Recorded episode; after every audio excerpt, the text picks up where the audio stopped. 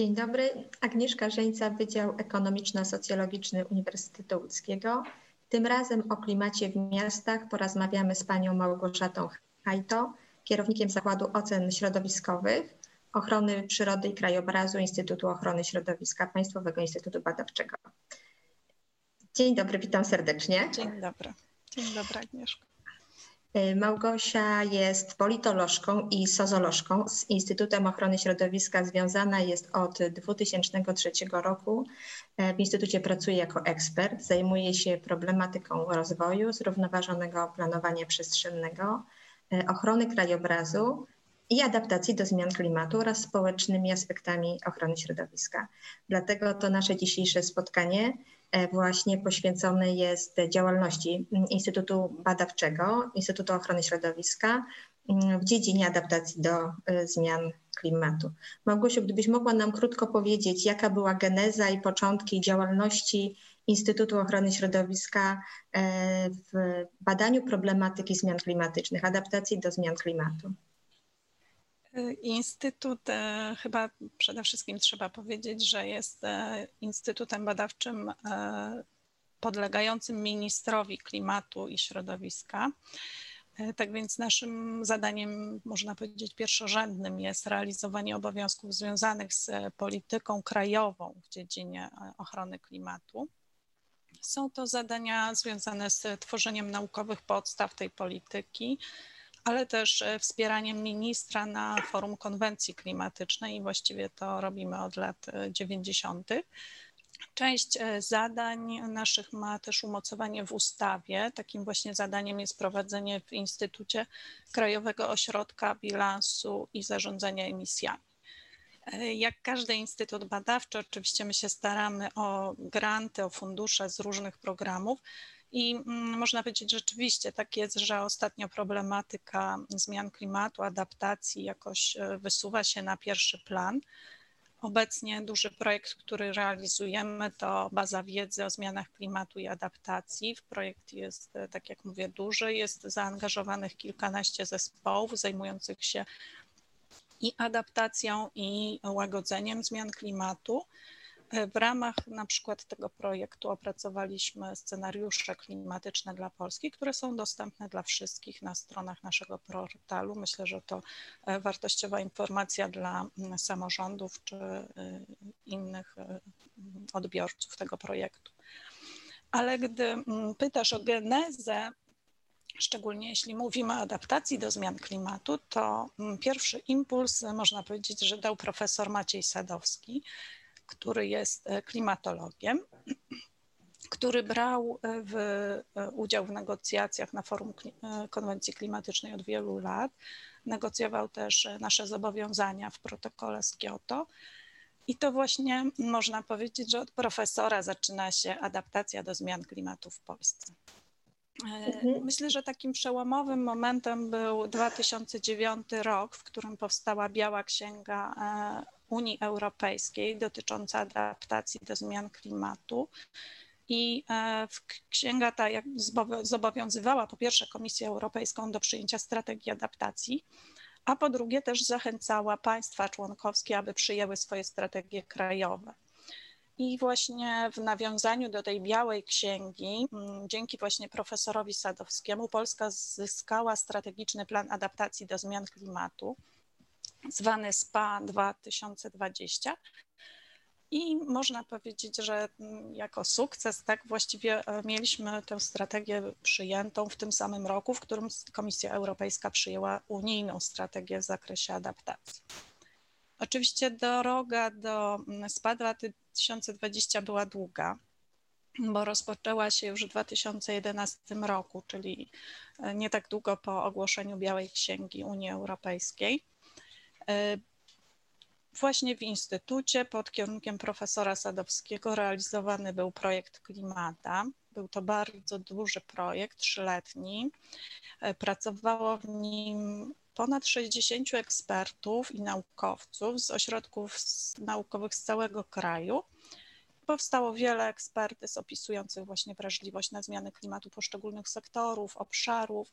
Opracowano scenariusze klimatyczne dla Polski Wypracowano działania adaptacyjne w zakresie legislacji, organizacji, zarządzania kryzysowego czy konkretnych inwestycji. I właściwie większość e, tych działań z projektu potem znalazła się w tym krajowym dokumencie strategicznym w zakresie adaptacji. Można powiedzieć, że to właściwie takie nasze wsparcie instytutowe, nasz wkład w adaptację. To są działania, można było powiedzieć, na, na szczeblu krajowym. Wyznaczone zostały e, kierunki działań w przygotowana została kompleksowa diagnostyka, można byłoby tak powiedzieć, e, ale to cały czas szczebel krajowy. W którym momencie e, był taki sygnał, że tą wiedzę trzeba przekazywać niżej, trzeba przekazywać do samorządów lokalnych, żeby to również e, miasta i małe i duże aktywnie włączyły się w, w, ten proces. Wiem, Małgosiu, że byłaś koordynatorką merytoryczną dwóch takich projektów dedykowanych miastom. To był projekt Clean Cities, który był e, dedykowany małym, małym i średnim miastom, a polegał on na przygotowaniu miejskich planów adaptacji do zmian klimatu tam akurat były strategie, ale jakby pod tym głównym hasłem miejskich planów adaptacji. I oprócz tego był drugi projekt. Drugi projekt był e, związany i dedykowany dużym miastom i też polegał na opracowaniu planów e, adaptacji. Gdybyś nam mogła bliżej powiedzieć o, mm, o tych projektach dwóch, e, ich istocie, celach, jakie przyświecały realizacji i jaki był udział Instytutu w realizacji tych projektów.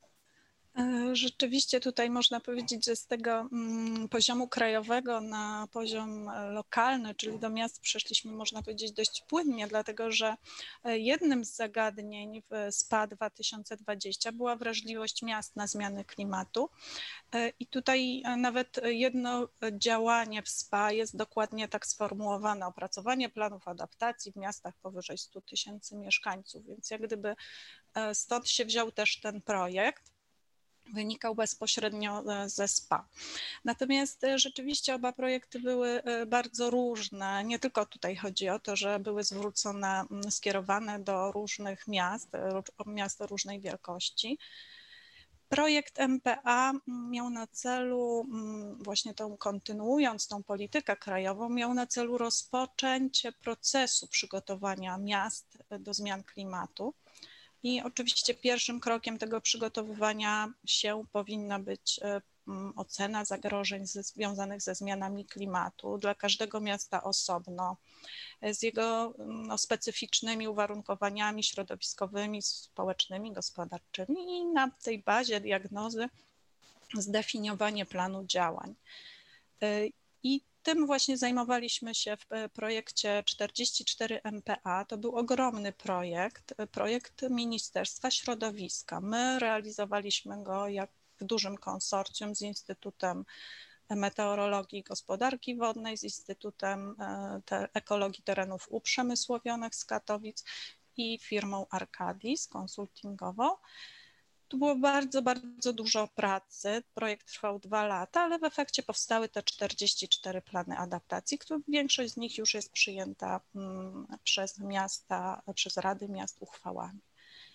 Natomiast e, projekt Clean Cities mm, to można powiedzieć, że był kameralny, nastawiony był przede wszystkim na edukację Oczywiście było tutaj to działanie związane z opracowaniem strategii adaptacji do zmian klimatu. Opracowaliśmy taką strategię wspólnie z małymi miastami e, w pięciu miastach. Takie strategie powstały. E, ale tak jak mówię, ten projekt miał e, bardziej charakter edukacyjny. Może tu użyłam słowa kameralne, ale tak naprawdę to w sumie wyszedł wielki projekt, ponieważ przeszkoliliśmy z adaptacji do zmian klimatu ponad 800 osób, głównie urzędników. E, to jeszcze był, może dodam, projekt finansowany z e, funduszy norweskich, był autorskim projektem Instytutu. E, współpracowaliśmy też z partnerem norweskim. Tutaj Norwegowie też pokazali nam swoje rozwiązania adaptacyjne.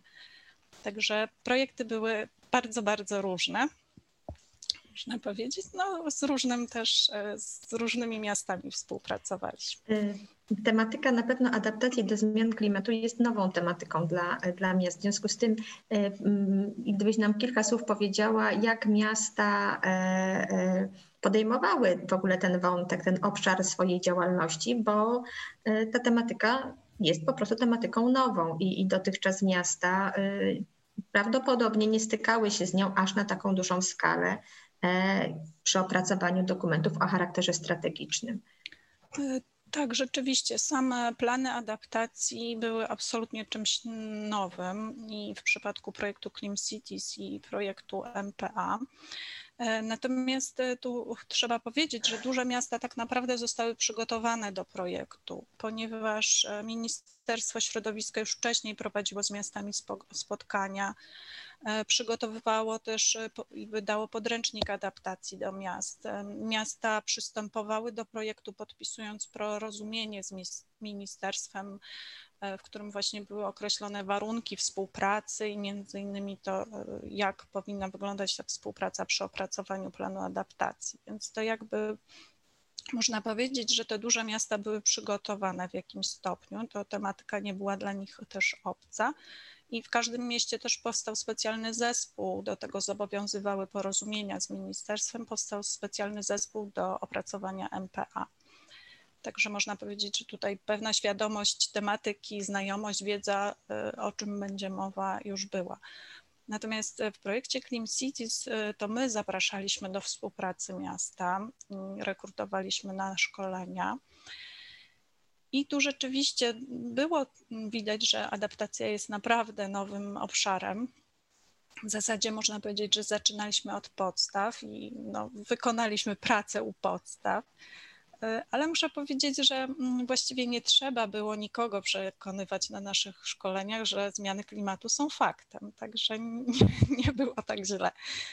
E, natomiast e, w projekcie MPA oczywiście też prowadziliśmy działania edukacyjne i może mm, warto powiedzieć, że tutaj materiały są dostępne, które powstały w trakcie projektu, są wciąż dostępne na stronie projektu 44 MPA, a mówię mm, to też dlatego, że właściwie można je, mm, no są to gotowce, które można wykorzystać, czy do zaktywizowania społeczności lokalnych, czy e, organizacje pozarządowe mogą wykorzystywać je w swoich działaniach, także można e, je zarekomendować. E, natomiast hmm, myślę, że urzędnicy i społeczności lokalne są otwarte na tematykę adaptacji, przede wszystkim dostrzegają zagrożenia, no, a adekwatnie do nich widzą potrzebę podejmowania działań. Natomiast jeśli mówimy o władzach, no to okazuje się, że to bywa różnie. Nie wszystkie mm, plany e, adaptacji zostały przyjęte przez Rady Miasta ale tutaj mm, raczej nie jestem skłonna mówić, że to, e, że, że władze lokalne nie są e, otwarte na tę tematykę e, adaptacji czy zmian klimatu, raczej po prostu troszeczkę mają inne priorytety, może bardziej krótkoterminowe związane z wyborami. A w związku z tym, co należałoby zrobić, żeby motywować miasta do wdrażania miejskich planów adaptacji?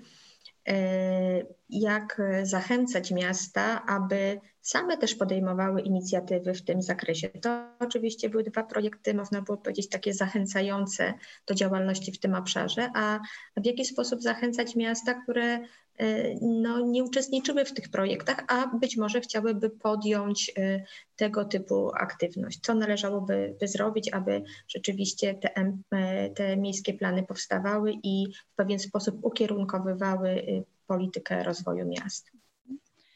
Znaczy z jednej strony można by powiedzieć, że w sumie nie trzeba motywować miast. Mówię to w, w pewnym konkretnym kontekście oczywiście, dlatego że w miastach po prostu zagrożenia związane ze zmianami klimatu są widoczne. E, te e, odnoszące się tak do ekstremalnych zjawisk klimatycznych, które e, łączymy ze zmianami klimatu. No i jeżeli miasto jest sparaliżowane z powodu nawalnego deszczu, wszyscy tego, tego doświadczają. Tak? I kiedy jest fala upałów, mieszkańcy widzą, co dzieje się z roślinnością w mieście, ze zwierzętami. E, boją się o swoich e, bliższych, o osoby starsze, małe dzieci. W związku z tym e, no, jest to smutne może, ale tak naprawdę to jest ta główna dość, motywacja, można tak powiedzieć. Doświadczamy uciążliwości, nawet zagrożenia zdrowia, życia, Dlatego podejmujemy działania. Wydaje mi się, że w, ta motywacja jest po prostu tutaj podstawowa, bardzo silna i jakby e, nie ma potrzeby tutaj specjalnie coś robić. Oczywiście edukacja jak zawsze jest potrzebna, ale myślę, że jest spora świadomość tych zagrożeń już. A właśnie, y, skoro jest świadomość zagrożeń, to y, czy jest wiedza na temat, jak te, te, zagrożenia minimalizować, jak je ograniczać, y, eliminować, jak im przeciwdziałać, ale również jak ich unikać? E, w związku z tym, no, moje pytanie jest takie, co zrobić, żeby zwiększyć efektywność tych działań, żeby rzeczywiście realnie e, zmniejszyć e, te zagrożenia odczuwane przez społeczności lokalne? Znaczy myślę, że tutaj no, odpowiedź oczywiście jest e, bardzo trudna, jeśli mówimy o efektywności, tak? E, wydaje się, że po pierwsze właśnie ta świadomość jest tu najważniejsza. Naprawdę musimy być głęboko świadomi, że działamy w sytuacji zagrożenia i to w bardzo specyficznej sytuacji, w takiej, której tak naprawdę nie mamy pewności, e, w, jakim, w jakiej sytuacji znajdziemy się w najbliższych dekadach. E, nie znamy często odpowiedzi na pytanie, gdzie właściwie jest próg, do którego powinniśmy ponosić koszty związane z jakimiś rozwiązaniami e, inwestycyjnymi, a powyżej jakiego progu zagrożenia należy e, szukać innych strategii czy zmieniać działania. Prosty przykład związany z powodziami. Przy mm, jakim zagrożeniu mieszkańcy terenów zagrożonych powinni być przesiedlani? Można powiedzieć, że to trochę działa na zasadzie takiego suwaka.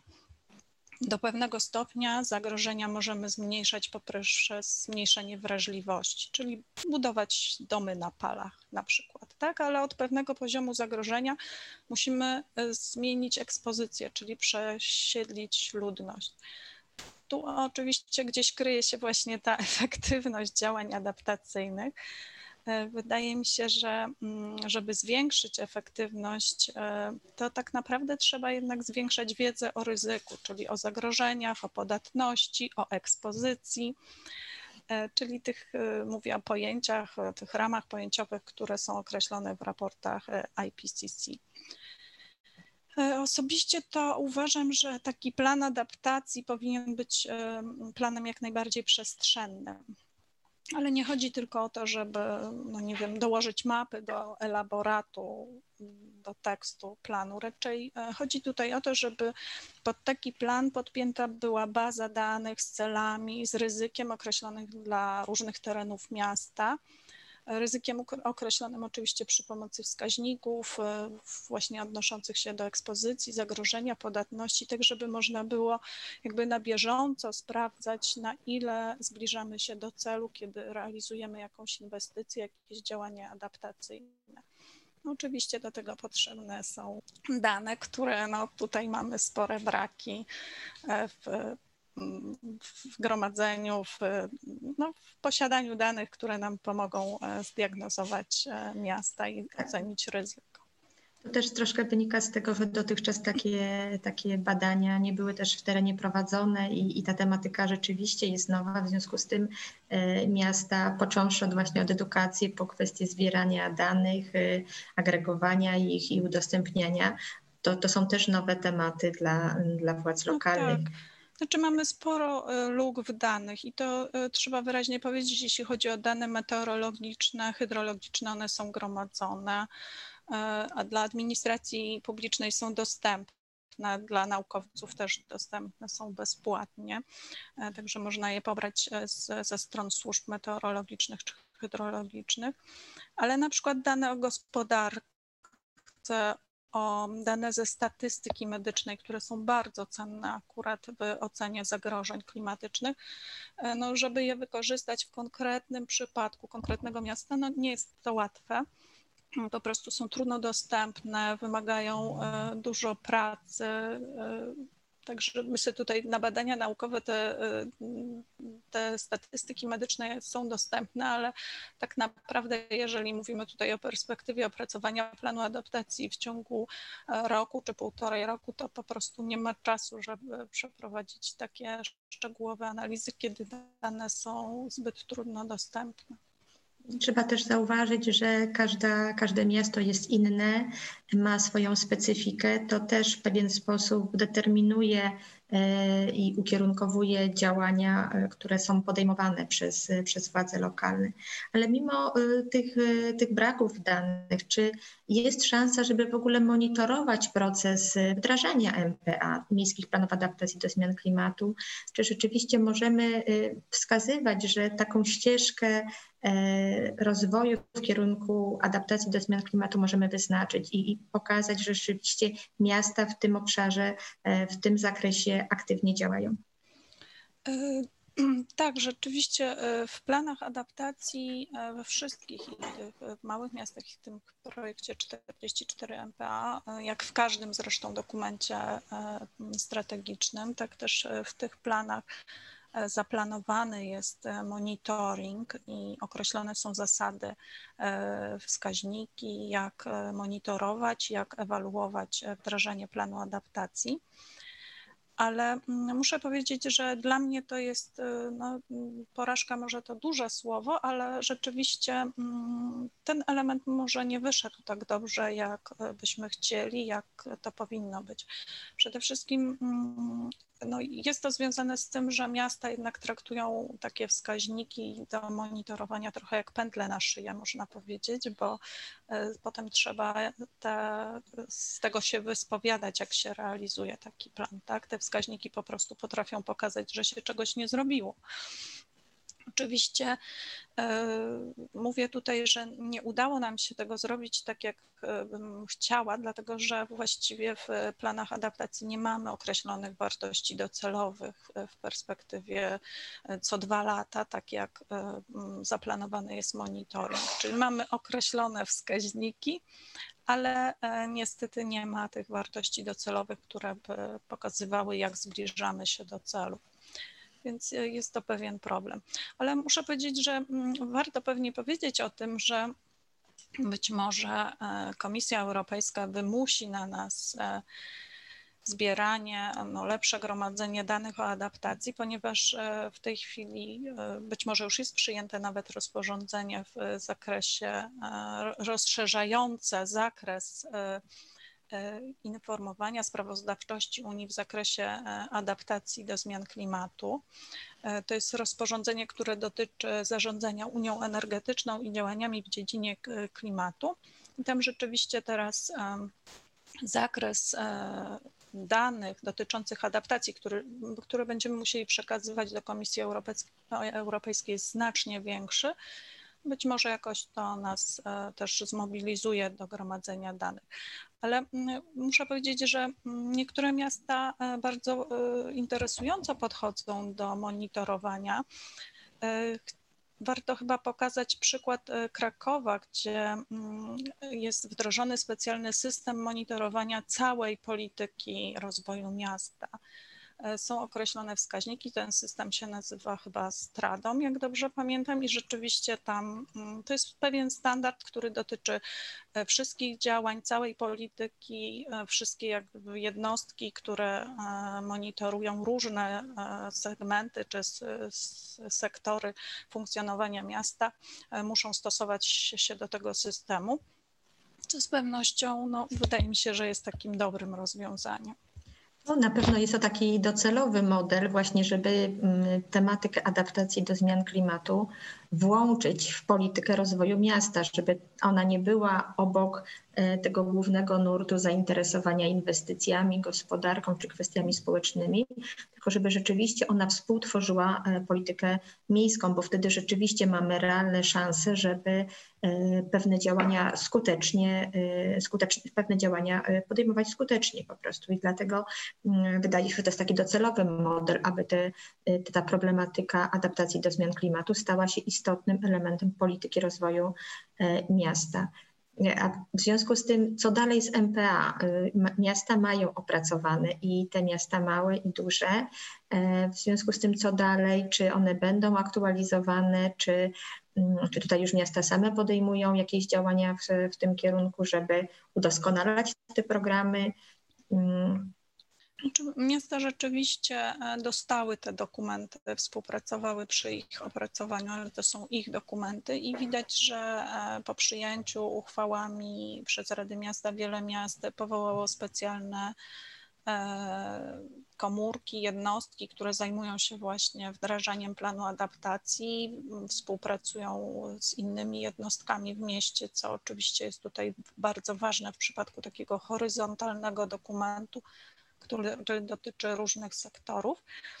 No ale też jakby poza tym, co dzieje się w samych miastach, to tutaj um, oczywiście Komisja Europejska w nowej perspektywie również e, przeznacza e, spore sumy na e, politykę klimatyczną, na adaptację do zmian klimatu również.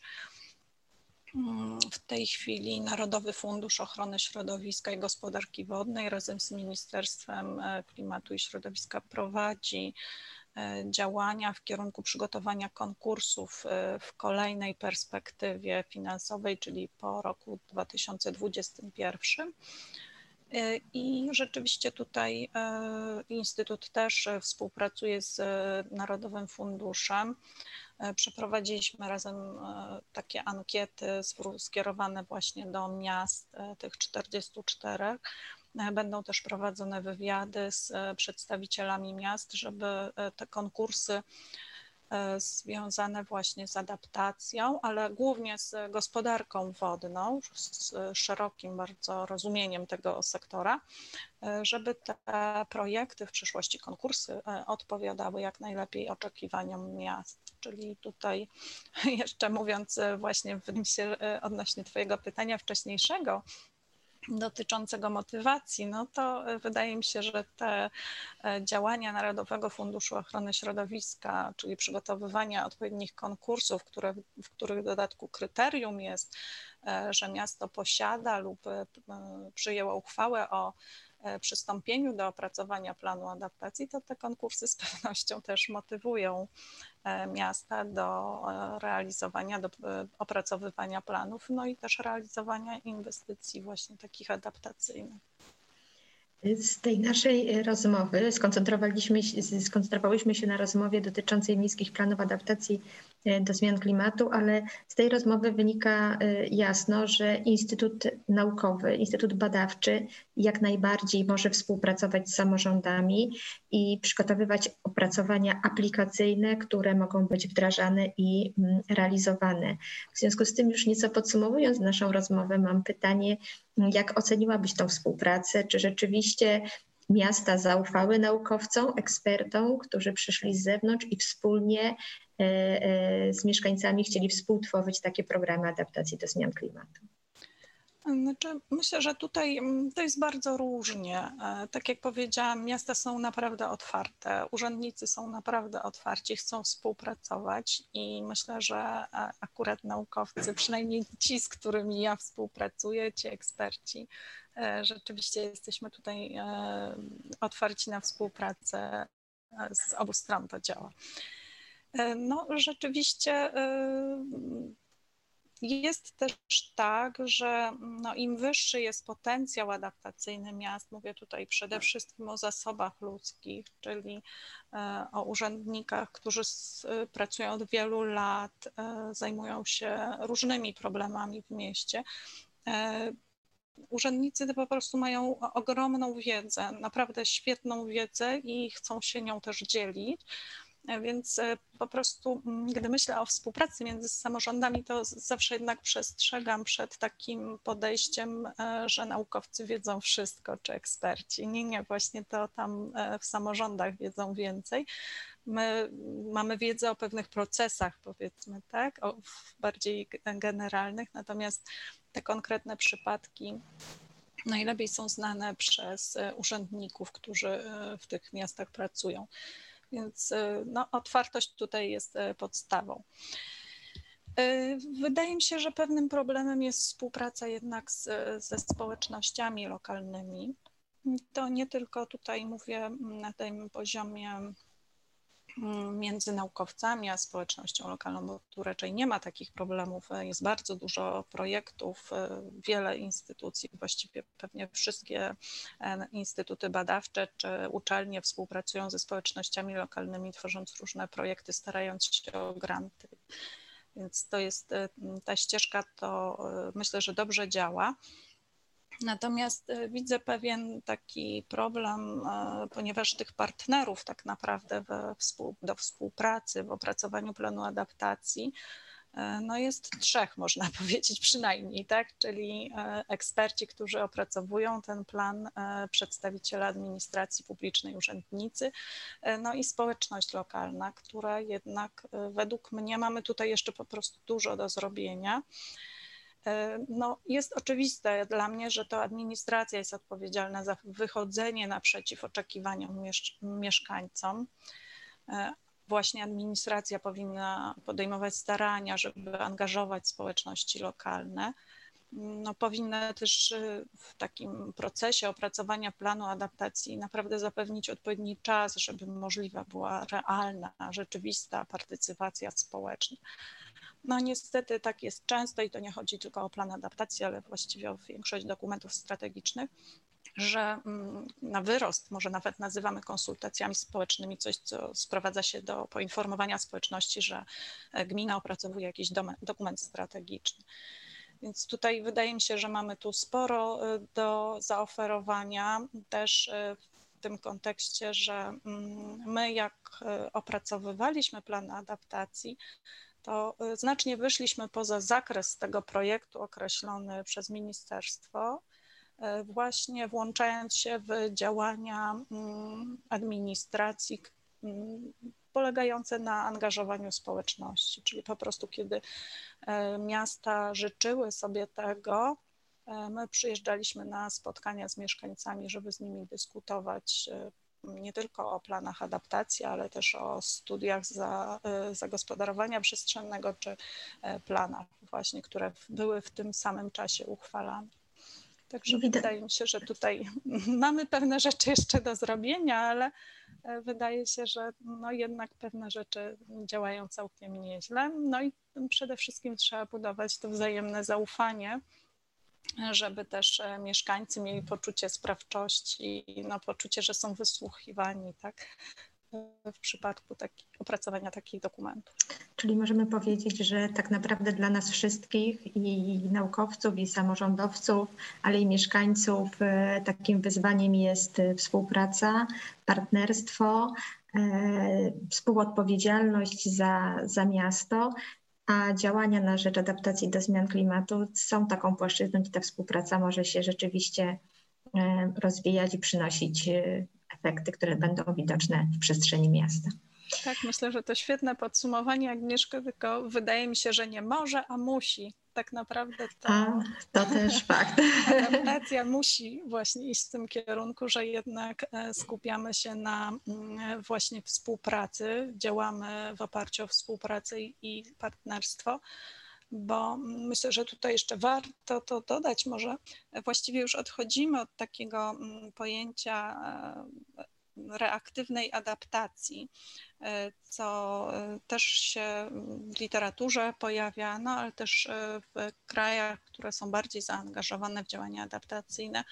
Chodzi o to, że nie, adaptacja nie może polegać tylko na tym, że reagujemy na zagrożenie, które wystąpi albo które przewidujemy w najbliższym czasie. My po prostu musimy nauczyć się żyć właśnie z tym poczuciem, że e, zagrożenia będą się pojawiać, że nie jesteśmy pewni, jak wszystko będzie wyglądać i nie mamy gotowych rozwiązań. Te rozwiązania będziemy musieli wypracowywać na bieżąco, one muszą być elastyczne, musimy się dostosowywać. To się nazywa budowaniem odporności na zmiany klimatu i tą mm, odporność, właściwie podstawą jej budowania e, jest tak naprawdę współpraca między tymi wszystkimi podmiotami, o których mówiłyśmy. Bardzo dziękuję za dzisiejsze spotkanie. Myślę, że szeroka wiedza na temat miast i planów adaptacji do zmian klimatu mm, jak najbardziej jest pożądana i będzie, będzie takim też motywem i motorem do pozytywnych zmian w miastach. Bardzo dziękuję za dzisiejsze spotkanie. Bardzo dziękuję. Dziękuję za zaproszenie.